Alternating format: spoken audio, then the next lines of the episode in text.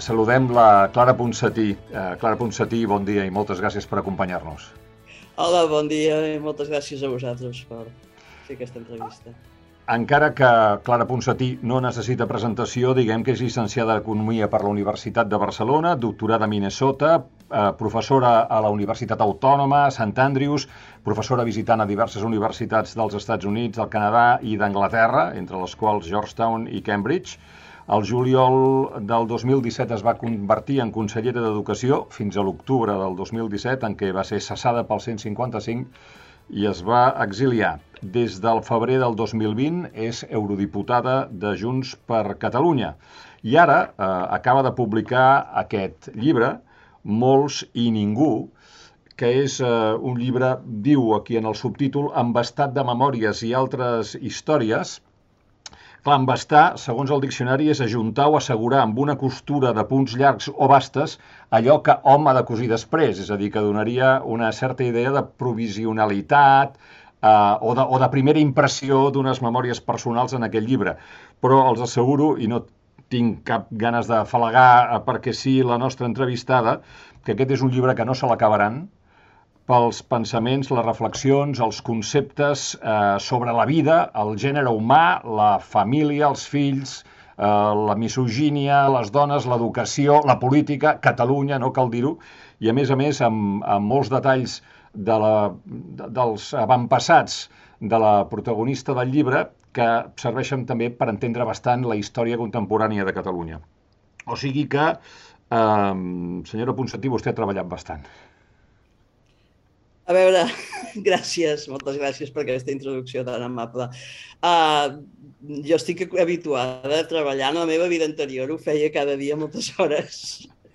Per tant, home, he fet el que he pogut, però en tot cas, um, quan li vaig posar el títol d'ambastat és perquè realment tenia la sensació de que això era un, uh, perdoneu l'anglicisme, un work in progress, que em quedaven moltes coses per fer i per dir, per fer, vull dir, per afegir en aquestes memòries, però hi havia una certa pressa, diguem-ne, he tardat quatre anys des de que van, es van esdevenir els fets fins que he publicat aquest llibre, però volia que fos, eh, que cobrís, diguem-ne, tota l'explicació de la meva trajectòria vital i, i jo crec que en, que en aquest aspecte més autobiogràfic han quedat moltes coses eh, per fer o per, per, per comentar i per dir i no sé si hi haurà els potser en altres, en altres ocasions tindré temps de treballar una mica més. Què, què li ha quedat per dir? No, em refereixo més a coses sobre la, la valoració del meu passat més immediat, familiar i professional. Um, probablement necessita més distància, potser ho haurà de fer algú altre, no ho sé.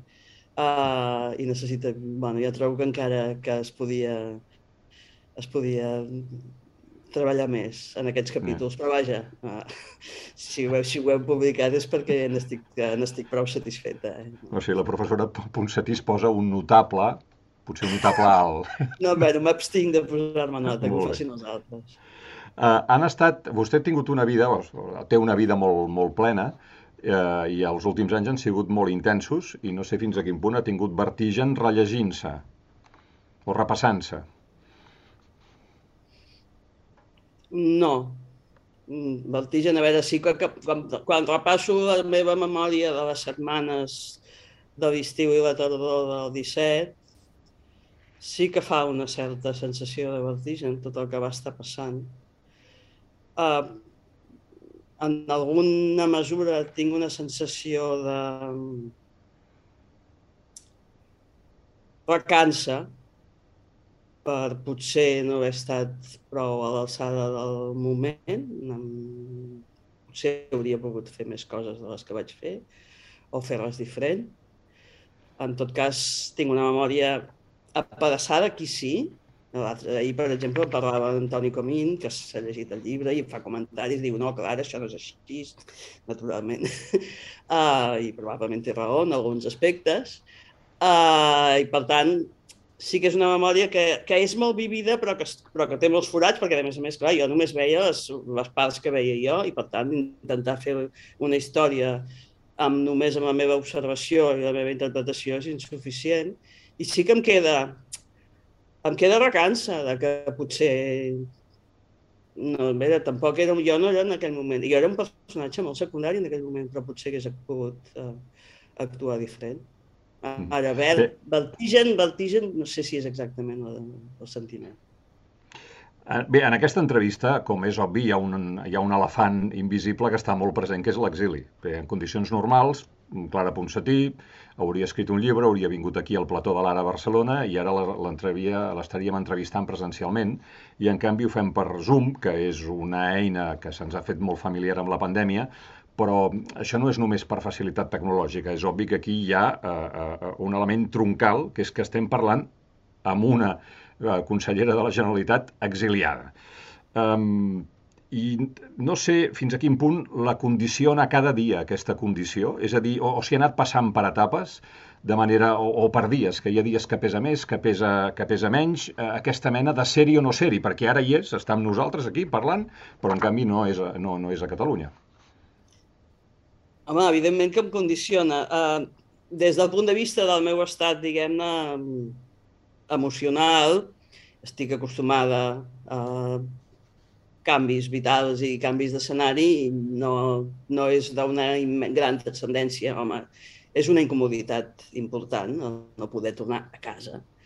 Uh, però vaja, el principal condicionant és un condicionant, diguem-ne, polític, En fi, jo ara mateix sóc una política forçosa, per dir-ho d'alguna manera. No et sabria dir si hauria deixat la política o no hauria deixat la política si no fóssim exiliades. Que és, un, és una hipòtesi que em costa tant considerar que no, no, no, no, no tinc una resposta en aquesta pregunta. Però el que és evident és que ara mateix jo faig política perquè sóc una exiliada. Yeah. Uh, hi ha una, una pregunta del qüestionari Proust Eh, com a entrevistador un sempre busca bones preguntes i en el qüestionari Prus n'hi ha una trentena i sempre n'hi ha alguna que és útil. No? Hi ha una que m'interessa sempre especialment per entendre com està l'interlocutor que tinc al davant, eh, que és quin és l'estat present del meu esperit. Vostè en el llibre diu, vaig sortir de Barcelona amb molta consciència de derrota, va sortir molt trista. Encara li dura? O sigui, com, com és ara la seva consciència? O per dir-ho a la manera de Proust, quin és l'estat present del seu esperit, senyora Ponsatí? I perdoni que m'hagi posat transcendent. A veure, jo crec que la conclusió del llibre l'explico l'estat present del meu esperit. O sigui, jo ara eh, estic a l'espera del relleu. Uh, crec que els que vam fer l'octubre del 17, amb els seus encerts i amb els seus desencerts, uh, um, difícilment uh, serem protagonistes d'una altra etapa en què Catalunya eh, progressi de forma, de forma clara. Ah, llavors, el meu estat d'esperit és de, de tranquil·litat, diguem-ne, uh, també, però també de d'incomoditat, de, de, de desencís, uh, però al mateix temps, bé, d'expectativa, perquè jo crec que el país és ben viu, malgrat uh, l'apariència, diguem el tel que li posa la política, ara mateix posa un tel, diguem-ne, que no és gens bonic, eh, però sota hi ha un país que encara és viu i jo tinc esperança de que, de que tornarà a rebrotar. Eh, crec que no serà ràpid i per tant també el meu estat d'esperit hauria de ser de paciència i a vegades a mi això em manca. Uh, però vaja, és això. Diu que està a l'espera del relleu. Pot, sí. uh, pot, com dirien en anglès, pot elaborar una miqueta això del relleu? Bé, crec que la política catalana necessita necessita canvis molt, molt radicals i confio en que se succeeixin. No, no, no tinc, no tinc cap eh, eina ara mateix per fer previsions, eh? Però vaja, més enllà de que crec que el país encara és viu. Ja. Uh, vostè uh, diu en el llibre eh, es fa una pregunta, no? Per què es repeteix la història de Catalunya? És a dir, per què hi ha exiliats? Presidents de la Generalitat a l'exili, eh, per què, o, o en aquest cas una consellera a l'exili, és a dir, per què hi ha aquestes, aquestes estrabades de la història eh, que, que ens deixen més o menys allà on érem. Eh, quina és la seva resposta? Perquè som un país ocupat.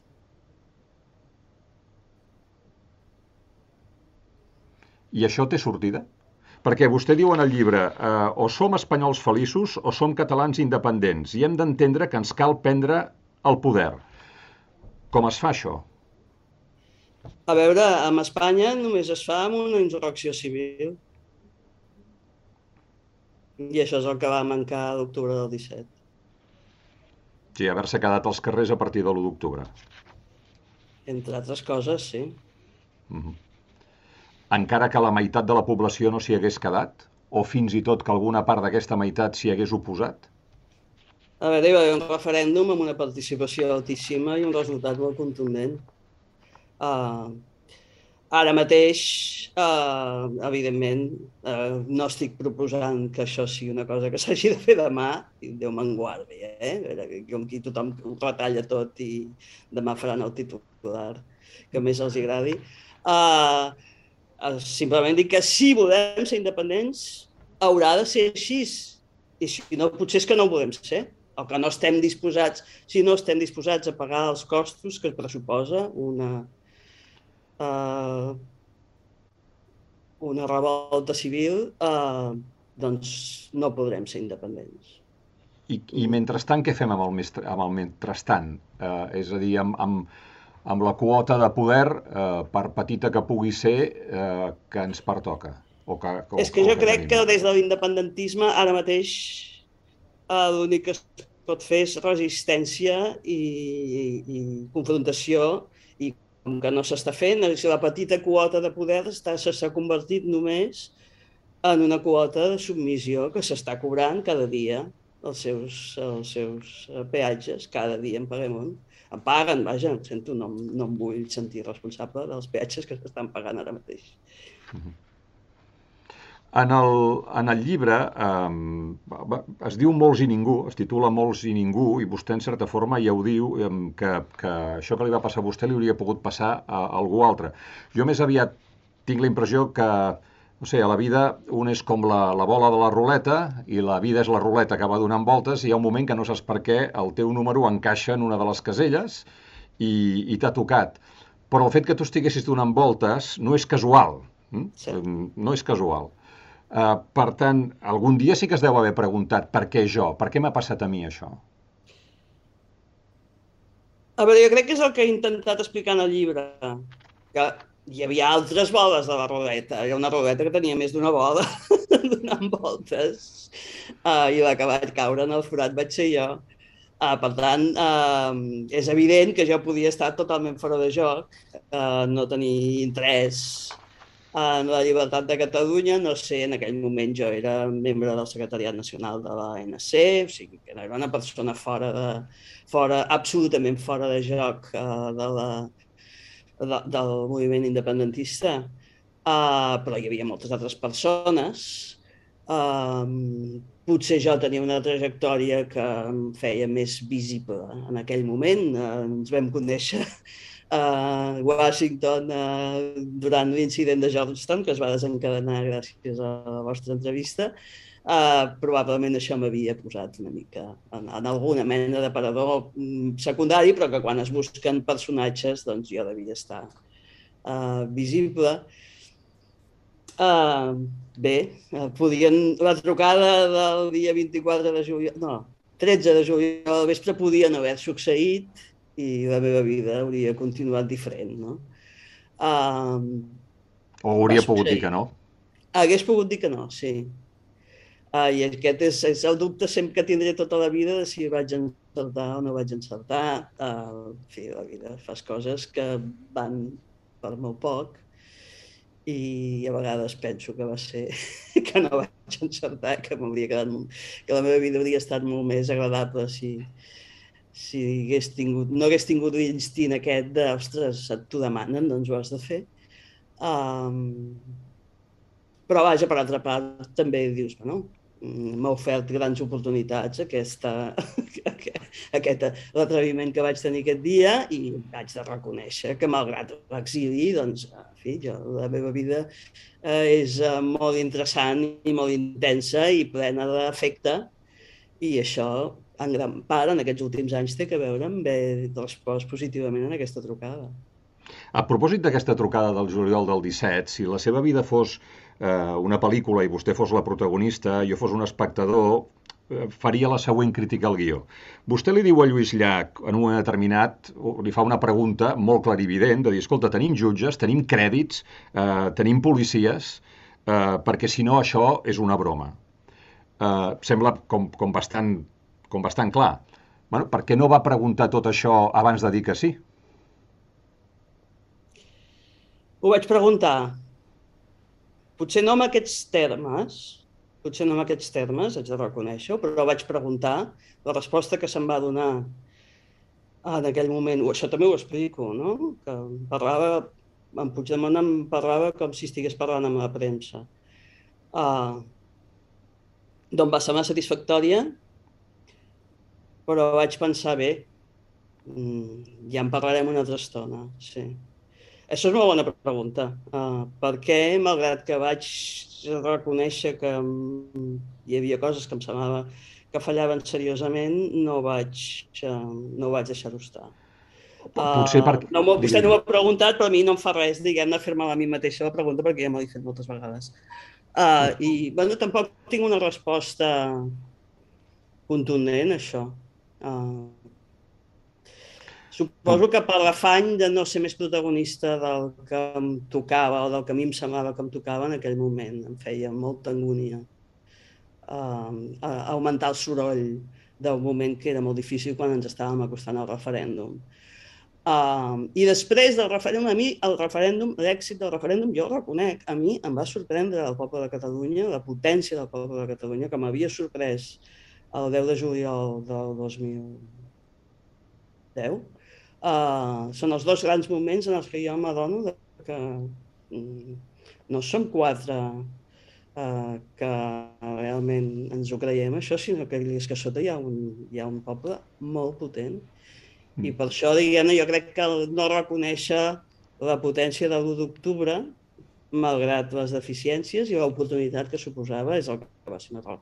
Ara, després, ja com es van gestionar les setmanes posteriors, eh, arribats al finals d'octubre s'havien d'haver convocat eleccions i això no tinc... Eh, no tinc Potser vostè va caure en una expressió que fa servir, eh, que és l'autoengany. És a dir, era tan, no sé si seductor, eh, semblava tan, no probable, però sí possible, eh, i per algú de les seves conviccions tan desitjable, que va caure com narcotitzada per la idea de, bueno, encara que no tingui totes les garanties, eh, eh, no es poden tenir mai totes les garanties, som-hi, no ho sé. Sí. No hi pots dir autoengany, ni pots, dir, ni pots posar altres... Eh, ni pots posar altres adjectius. Sí. En part, en part o sigui, veure, és, eh, quan se t'emporta el valor de la història, eh, pots enfilar-t'hi sense saber segur si va ben conduït o el pots deixar passar. I jo vaig optar per enfilar-m'hi i sí, potser no anava gaire ben conduït, havia d'haver baixat. Hm. Ah, no sé què dir-te. Yeah. No, vostè fa com dues, uh, dos extrems d'una forquilla, o l'autoengany o el cinisme. Sí. I ara creu que hi havia més cinisme o més autoengany? Depèn de si, ara si passéssim llista, podria dir-te quina fracció d'autoengany i quina fracció de cinisme i quina fracció d'incompetència hi havia, però no es tracta avui de passar llista, oi? Yeah. Torno un moment enrere. A propòsit del que em deia de la manifestació del 2010, quan la sentència de l'Estatut o la de, o, o de l'1 d'octubre, um, hi ha un moment en el que vostè parla que es, els seus pares, que havien simpatitzat amb el, amb el PSC, de cop i volta un dia es troba el seu pare en una manifestació d'aquestes. I el que això li dona una certa... Juliol. La, la de juliol del 2010. Sí. La, la de la sentència de l'Estatut. Sí, sí. No, I que... I... Ara no l'acabo dia. Sí. Perdó, perdó. perdó. No, no. I, no, no, no s'amoïnis. El, el delay del... Anava a dir el delay de l'exili, però... uh, mm, vostè es troba el seu pare i diu això em fa veure que hi ha, que hi ha un país a sota, no? Um, aquest aquest país eh, és molt, no sé si resilient, resistent o totes dues coses alhora, perquè miri que ha rebut i continua sent-hi. Sí. Eh, no sé si, si és una cosa extraordinària o si en la mesura que aquest país que existeix no és capaç de fer el, el tom cap a la, cap a la independència, eh, és que és, un, és una voluntat de ser que es viu una miqueta en la intimitat, que deia aquell. Sí, a veure, és innegable que, que el país hi ha hagut molts moments de la història que ha viscut reclòs, viu, viu però reclòs. Uh, I probablement ha sigut la majoria del, del temps. Uh, però és evident que la reclusió no ha pagat la voluntat de llibertat i que llavors hi ha moments en què s'expressa i moments en què s'expressa són la manifestació després de la sentència dels estatuts i l'1 d'octubre és l'últim gran moment fins ara en què s'ha expressat amb voluntat política. Um, això encara hi és uh, i bé, mentre, mentre hi hagi Uh, mentre hi hagi això, hi ha esperança de que el país un dia serà lliure, però de moment és un país ocupat. A propòsit d'aquelles dates, um, repassant l'arxiu fotogràfic del diari, hem trobat aquesta fotografia que m'agradaria que veiés, crec que no la deu haver vist, o que ja no la deu recordar, és una fotografia de la tarda del 27 d'octubre del 17 al Parlament. És molt gràfica, és una fotografia eh, de l'hemicicle, una fotografia fe presa des del faristol cap a l'hemicicle. Els diputats ja estan abandonant els, el, el, els seus escons i, i, en, i en, aquell, en aquell semicercle i es fan una abraçada Carles Puigdemont i Toni Comín. I vostè s'ho mira. déu nhi Em pot descriure el seu estat d'ànim aquí? Desolació. Absoluta en aquest, eh, durant aquestes hores el meu estat d'ànim era d'absoluta desolació. Hmm. Ara el, el sovinteja, m'imagino. Admiro molt el president Puigdemont. Molt. Mm. Per moltes coses. Però en aquesta foto està somrient. És, és, és mm. admirable potser està fent el cor fort, tampoc no és el somriure més també. obert que li recordem, no? Sí, sí, està fent, també. Bueno, però és admirable, jo no vaig poder. Ja es veu. No, ja, ja es veu, ja. A més, es toca la cara que tots els analistes del llenguatge no verbal diuen que és d'una incomoditat i de que és una expressió d'incomoditat. En aquella sessió del, del dia 27 d'octubre, que vostè ja va al Parlament amb la, amb la maleta cap a, cap a l'exili. I això ho va tenir molt clar. Eh, la presó de cap manera. Per què? A veure, no voldria sonar ampulosa, però a mi em sembla que un govern que ha proclamat, eh, que ha convocat un referèndum, que ha guanyat el referèndum contra la violència i que va al Parlament i proclama... A veure, la proclamació de la República va fer el Parlament, però els que sèiem al banc del, del govern eh, teníem una responsabilitat eh, històrica. I ja ho sé que la política posterior ha demostrat que, que el Parlament no es prenia seriosament ell mateix. Uh, però vaja, jo em vaig sentir amb una, amb una obligació històrica de no claudicar uh, immediatament al mateix temps em sentia molt aïllada i molt sola i estava disposada, diguem-ne, a fer aquesta, el que em pensava en aquell moment que seria una acció breu. Jo pensava que, mm, que segurament, eh, malgrat hi hauria un procés d'extradició, però que aquest procés d'extradició jo el perdria. Jo, o sigui, no seria les 24 hores que deien els advocats amb els quals jo parlava, però tenia la hipòtesi de que el procés d'extradició jo el perdria. Però que, si més no, pensava, farà soroll, se'n parlarà i et portaran per força a la presó. No hi aniràs tu, xinutxano. És aquest el plantejament que jo em feia. I bueno, hi havia una espurna d'esperança de que potser ens en sortiríem en un procés d'extradició. Això tampoc ningú em va donar grans expectatives, però bueno, mm, Uh, I per això ho vaig fer. Uh, després vaig descobrir, quan jo ja era camí de, de, de bueno, ja era a França, que hi havia més, uh, més consellers disposats a, a, fer, el mateix, mm. a fer això mateix i el president. Però... Vostè va ser la primera que em va parlar, uh, la primera que va, es va aixecar de la, de, la, de la reunió i va dir jo me'n vaig a l'exili, um, i algú al seu costat, Toni Comín, diu ostres, és veritat, o és presó o és exili. No, això no va ser aquell dia, eh? El Toni això ho havia reflexionat abans, eh? I probablement en aquella reunió ell ja ho tenia reflexionat. En tot, mm, en tot cas, jo no, mm, no, no, no coneixia els seus plans eh, immediats quan jo vaig marxar. Mm.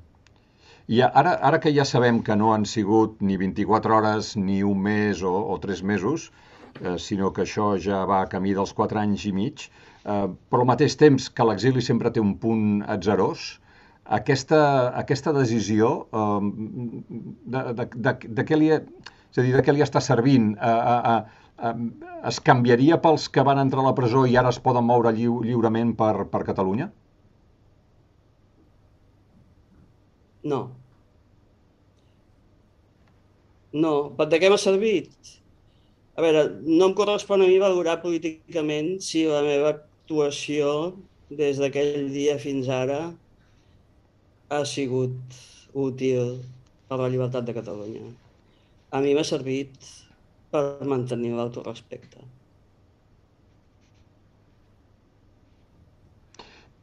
I viu amb la consciència que es pot eh, acabar en qualsevol moment o, o, o creu que podem estar davant d'un exili cronificat? A veure, uh, altra cosa és com enfoco jo la resta dels anys de la meva vida i no els enfoco com un exili permanent, no. I per tant això pot tenir conseqüències uh, penitenciàries en el futur. Mm. Perquè ara mateix, atesa, atesa la situació d'adjucat polític de l'independentisme, la meva contribució des de l'exili crec que tindrà data de caducitat. Mm -hmm. Um, parlant d'aquest exocat, uh, vostè fa...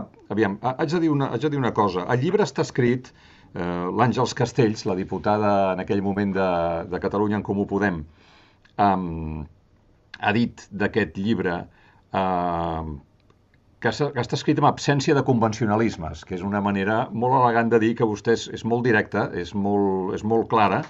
A mi m'hi ha semblat uh, veure una franquesa anglosaxona, no? que s'estila molt eh, en els llibres de, de memòries que es veuen sovint en els, en els llibres que, que s'escriuen, per exemple, als, als Estats Units, i, i, i vostè és, eh, és molt directe.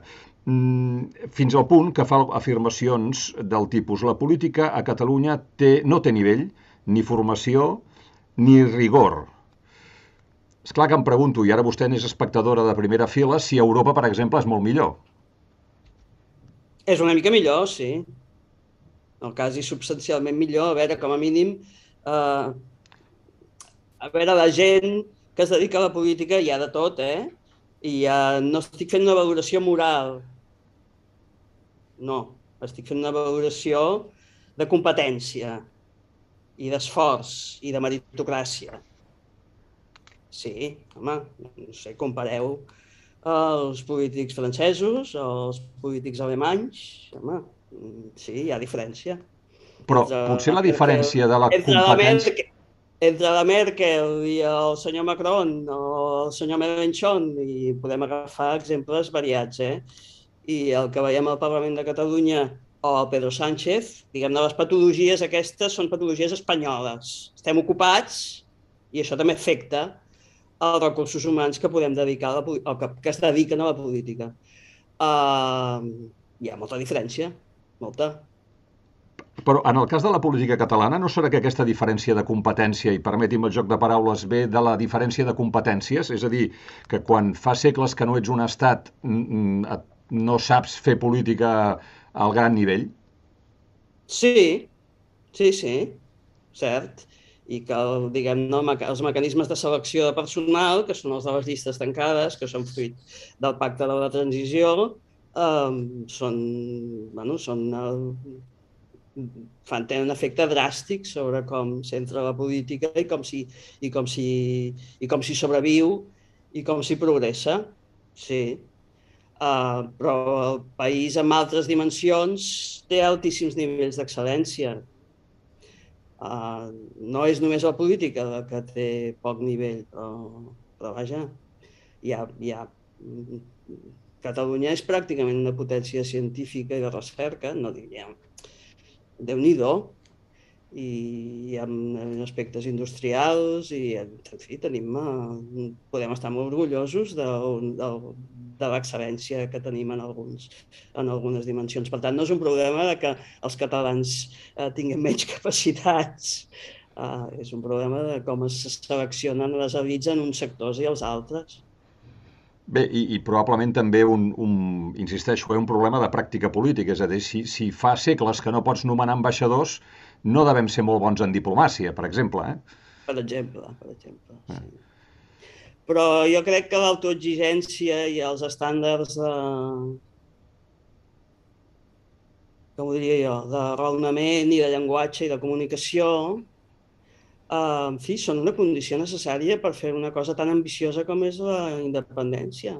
Eh, clar, o sigui, ja ho sé que no ho tenim, però és que estem fent una cosa molt més difícil, o voldríem fer una cosa molt més difícil del que és la política normal i contem amb recursos molt més limitats. Aquest és el gran, uh, un dels grans problemes.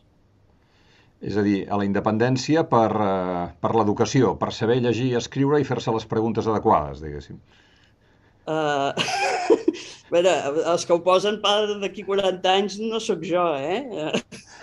Uh, és evident que com més educats estiguem, millor, però a vegades... O sigui, jo crec que el problema no és un problema d'educació, que també, és més un problema de que els col·lectius... Això que estaves comentant sobre que el meu llibre sembla anglosaxó... Sí. És sense voler. Ho dic sincerament, eh? Ho dic, no, no... És, és, és, és sense voler, o sigui, jo he, jo he viscut la meva vida professional bàsicament a Catalunya, però en una comunitat que tenia per referents a referents internacionals i en els quals la discussió intel·lectual era una discussió eh, que havia de ser rigorosa i que l'important eren els arguments i l'important era, quan algú deia una cosa, eh, bueno, criticar-ho seriosament per veure si s'aguantava o no s'aguantava. Llavors aquesta... I això ningú s'ho prenia malament.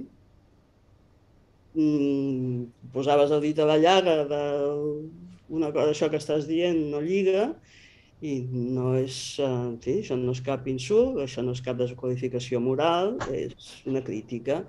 Llavors, està, això no és habitual, és cert, uh, però vaja, uh, si hem de progressar um, en el projecte d'independència haurem de ser capaços de dir-nos la veritat i si no ho som, doncs, bueno, um, no podrem progressar.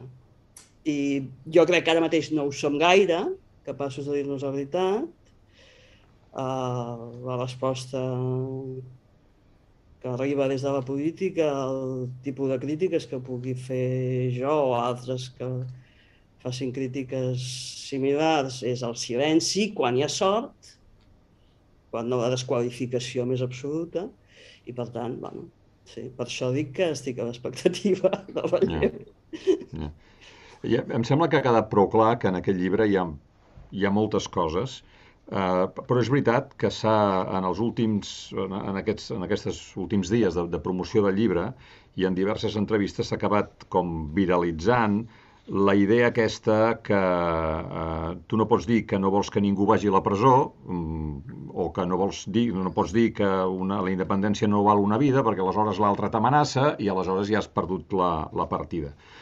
En fi, eh, jo no sé si, si a propòsit d'això eh, vol matisar alguna cosa.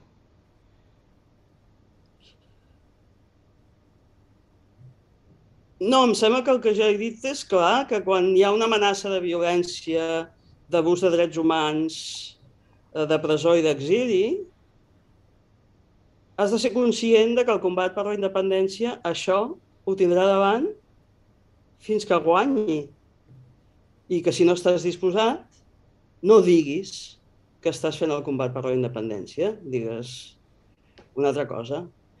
Evidentment, el, la política catalana, espanyola i internacional està plena de gent que ven duros a quatre pessetes i que se'n surt. Uh, però vaja, jo no, jo no vull vendre duros a quatre pessetes. El que passa és que uh, a Escòcia que vostè coneix bé, s'està plantejant la independència sense necessitat de preguntar-se si hauran de pagar Escòcia el preu de la vida. és part del Regne Unit, no és part d'Espanya. És que aquesta és la diferència substancial. El Regne Unit, eh, l'imperi britànic, ha viscut a diverses independències i que expliquin no, als indis, als irlandesos, què els hi va costar, els escocesos, que encara són vius, eh, tindran la fortuna de lliurar el seu combat en condicions diferents. Uh, si hi ha algú que em vol convèncer que els catalans podrem lliurar el combat per la independència com ho fan els escocesos, uh, escolta, que, ho, que m'ho expliqui molt i molt bé. Eh? Perquè és com mm. si volguéssim comparar la reina d'Anglaterra amb el senyor Juan Carlos de Borbón. No? O sigui, hi, ha, hi, ha, hi, ha, hi ha diferències importants. Uh, però sobretot no és un problema de... de això és, és anecdòtic gairebé, no? però el sistema judicial, respecte pels drets humans, la divisió de poders, uh, en fi, hi ha una llista de coses molt llarga que, amb la qual la senyora Sturgeon que és una política que mereix, que mereix el meu màxim respecte i admiració. El que ell es proposa és uh, molt més, uh, uh, molt més, uh, molt més fàcil perquè es pot uh, fer en condicions de civilitat i ningú la posarà a la presó, ningú intentarà posar-la a la presó, Uh, I en canvi, uh, qui es posi al capdavant dels catalans per, i els hi digui que els portarà a la independència sap que ha de córrer riscos. I qui no els vulgui córrer, que no s'hi posi. Responent a la seva pregunta de que algú em convenci de com es podria fer això dintre de l'estat espanyol, hi ha una resposta que és eh, doncs, si som al 75%, per exemple. El 75% de què? De gent, de gent que vulgui la independència. És que si hi hagués un referèndum acordat, a veure, um, no m'atreveixo a fer especulacions, però o sigui, és, això és la teoria aquesta del botó, no? Si el referèndum fos acordat i no hi hagués violència, i no hi hagués amenaça de violència, la majoria seria aclaparadora. O sigui, quan ens, estem, quan, quan ens estàs uh, dient quan siguem més, aleshores ja ho farem. Ser més sota l'amenaça de violència, què va carai vol dir? No vol dir res. Està sota l'amenaça de violència, o sigui, um, les enquestes, el, el, a ningú li agrada prendre decisions amb la pistola, amb la pistola al clatell. No? Quan et posen la pistola al clatell i estem amb la pistola al clatell, uh, dius, no, no, no, Mm, no, no, jo no volia. Això és una reacció uh, humana absolutament natural. I, per tant, uh, ara mateix uh, els catalans estem amb, amb, amb l'amenaça de violència d'una forma molt vívida, molt més que no ho havíem estat uh, durant, diguem-ne, els anys de l'oasi autonòmic, que la, la violència és una cosa més, més, uh, més implícita, no? més, en fi, alguns també la vivien, els que tenien el valor de seguir reclamant la independència ho van viure, però eren pocs, i en el moment que els catalans diuen, ah, així estem en una democràcia, ah, així tenim dret a l'autogovern, ah, així tenim dret a la independència i a l'autodeterminació, no? I quan ens hi posem ens diuen, eps, no, no? Cop de porra, presó, exili... Bé, i llavors, per tant, la resposta ha de ser bé, hi haurà cop de porra, presó i exili. Encara ho volem o ja no ho volem? Per tant, la, la, amb la coerció de l'Estat o sota aquesta amenaça més o menys implícita de, de violència, eh, de violència en forma de porra o forma de presó o forma d'exili, eh, l'Estat està aconseguint que ni amb una enquesta s'arribi mai al 75%, perquè molta gent pensa, escolta, jo no vull aquest soroll, o no vull pagar aquest preu, Exactament. o... o Exactament, exactament, sí, sí, absolutament. Per tant, si, si hem d'esperar que, que sota l'amenaça de violència hi hagi un 75%, per favor, no és que no fem, no, no, no sé, això no és seriós, això no és seriós. Mm, li demano com que vostè eh, ha estudiat molt de la teoria dels jocs i ha parlat de les negociacions bilaterals i aquestes coses, li, li, li proposo que per un moment s'assegui a la taula de diàleg amb Pedro Sánchez. Com la plantejaria? Jo no m'hi asseuria fins que no tingués cartes per negociar. I per tenir cartes per negociar, primer eh, has de fer valdre el teu, el teu, el, les teves eines. Les teves eines són la mobilització del poble de Catalunya. I quan això ho has apagat, eh, no tens eines. I per tant, en aquesta taula jo no m'hi asseuria. Uh, no m'hi asseuria fins que no vingués el senyor Pedro Sánchez a, a demanar-me que m'hi asseiés. En donar per bo uh, que nos, nosaltres, els senyors del govern uh, de la Generalitat, uh, demanen demanen al senyor Sánchez que s'assegui. No s'asseu. De peu dret es posa a les escales del Palau de la Generalitat a fer-se fotos, que són les fotos d'un ocupant. Això no és una negociació en la que em puguis treure res més que la submissió. Ja ho estem veient, ho estem veient, i cada dia, eh, no és que cada vegada perdem un llençol, és que estem pagant uns, un, bueno, el retrocés. El mentrestant és el mentrestant del retrocés. Fins on arribarà el retrocés? bé, fins que la mobilització del carrer eh, i potser eh, un canvi en la composició electoral de l'independentisme tingui un efecte. Ara que vostè és, a, a la Unió Europea i, i sovint eh, és en el Parlament Europeu, ara eh, el cas de Catalunya mm, deu estar enterradíssim eh, entre primer la pandèmia i sobretot ara la guerra d'Ucraïna.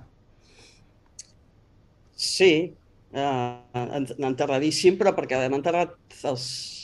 l'han enterrat els polítics catalans eh,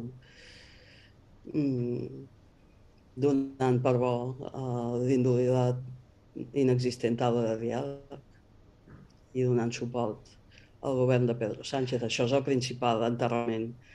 Uh, um, evidentment, un cop enterrat hi ha esdeveniments molt més importants per, per la resta del món.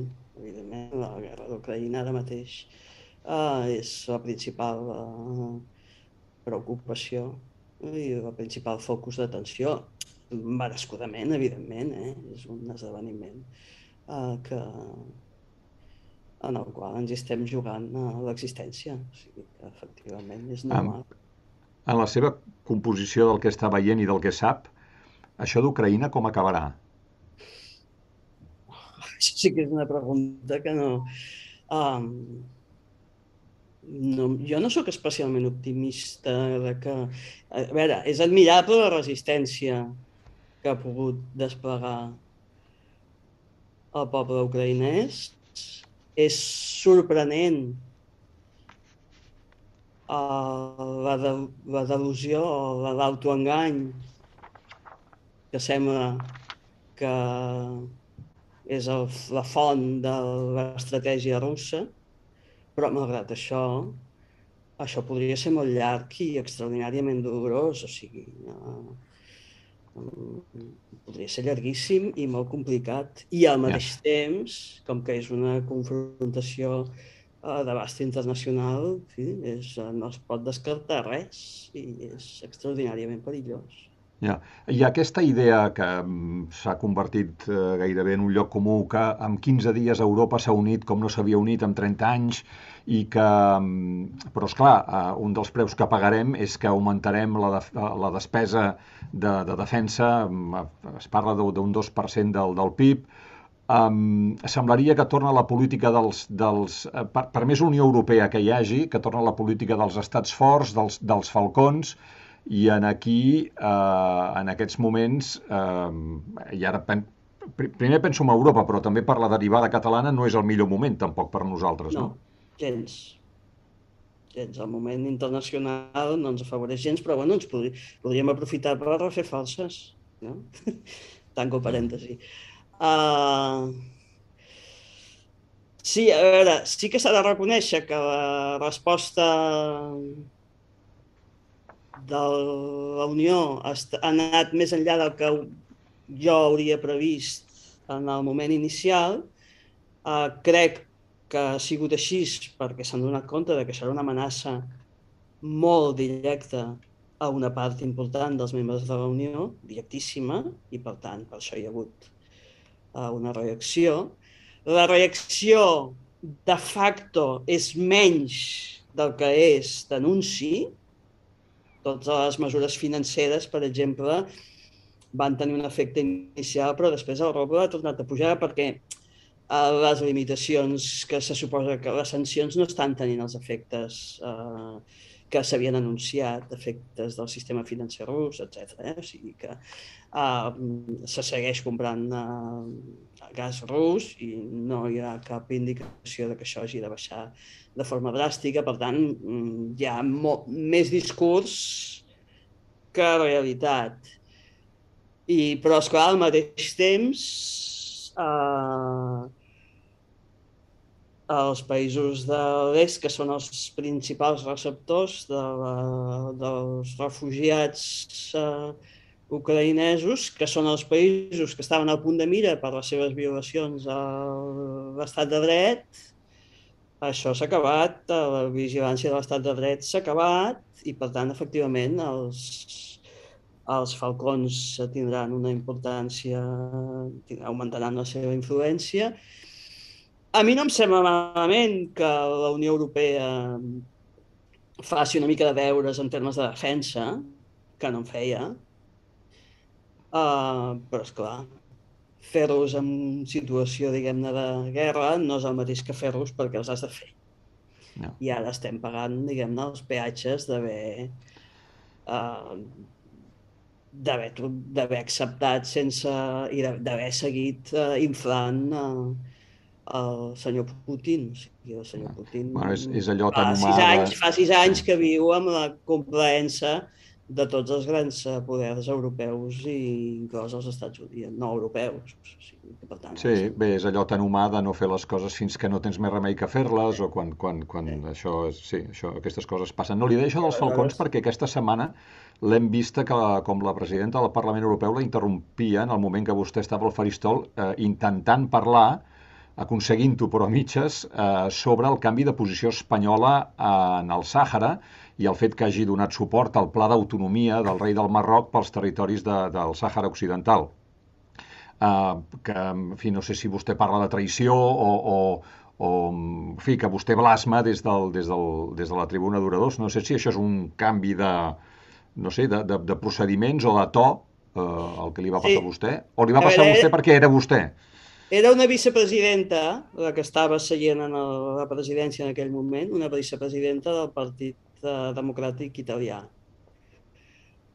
Uh, I ho va fer com a reacció als crits i esgarips que feien els eurodiputats espanyols quan em van sentir parlar uh, d'Espanya i del Marroc, mentre tothom estava parlant d'Ucraïna, però el punt d'hora del dia era la reunió del Consell Europeu i, per tant, um, en les reunions del Consell Europeu, el, el debat sobre això, eh, i, i posava explícitament afers exteriors, en fi, el, el, la meva intervenció estava totalment eh, dintre del, del tema de l'hora del dia, per tant, fer l'argument de que jo no m'estava estava parlant d'una cosa que no tocava, que és el, el motiu pel qual la presidenta em va retirar el micro, eh, va ser clarament eh, o un abús o una equivocació.